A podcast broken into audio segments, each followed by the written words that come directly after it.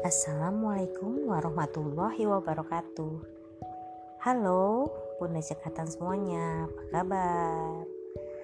Nah, pada kesempatan kali ini Saya Ika Latifah Barka Akan membicarakan tentang bekam Sebelumnya saya nanya dulu nih Siapa yang suka berbekam? atau mungkin sering membekam orang atau jangan-jangan belum pernah sama sekali berbekam ayo siapa? Nah jika memang ada yang belum pernah sama sekali berbekam karena takut takut darah atau yang lainnya jangan jangan takut. Itu sudah sunnah Nabi loh.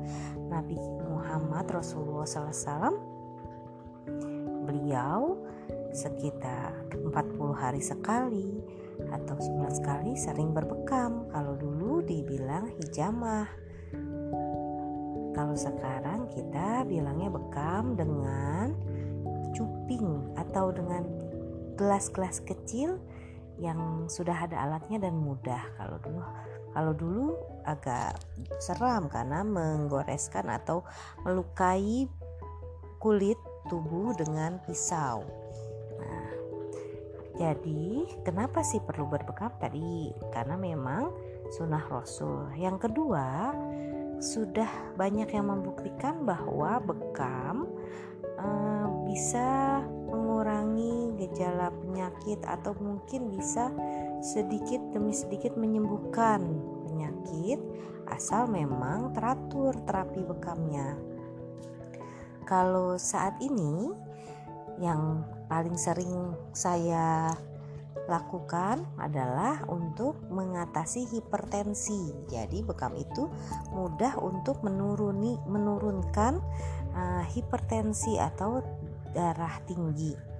Kebetulan suami saya kadang-kadang darahnya tinggi, dia pusing.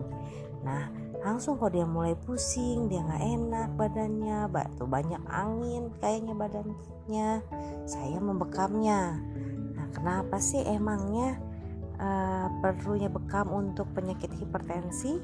Jadi kalau secara ilmiahnya saat orang hipertensi itu biasanya kan pusing. Nah, saat dikeluarkan darah, eh, bekam itu mengeluarkan sedikit sebetulnya darah dari darah tepi di bawah kulit itu, eh, maka dia ada ada hormon di hipotalamus di otak kita dari darah itu uh, yang bisa menyebabkan uh, jadi merangsang relaksasi. Dari hipotalamus merangsang relaksasi dan akhirnya nyeri yang ada di kepala itu hilang itu kemudian juga biasanya kalau dari hipertensi itu plasma darahnya juga kelebihan garam. Karena kelebihan garam bisa menyebabkan cairan tubuh tertahan di ginjal dan ginjal sulit mengeluarkan cairan. Bahaya dari hipertensi bisa jadi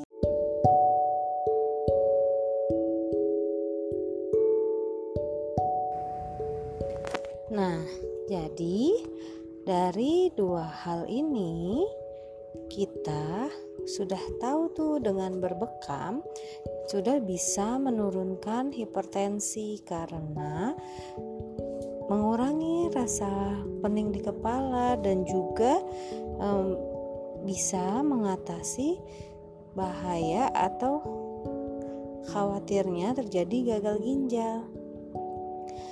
Oke, eh, kurang lebih itu dulu yang bisa saya sampaikan. Semoga ada manfaatnya dan Semoga kita semua selalu sehat. Bagi yang masih belum coba berbekam, boleh silakan coba berbekam. Bagi yang sudah rutin, silakan dilanjutkan.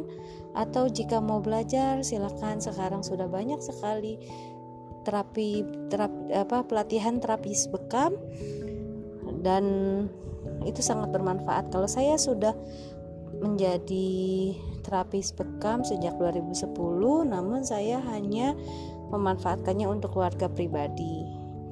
Jadi tidak perlu memanggil uh, para pembekam, kita juga bisa lebih nyaman, alatnya juga bisa dipakai sendiri.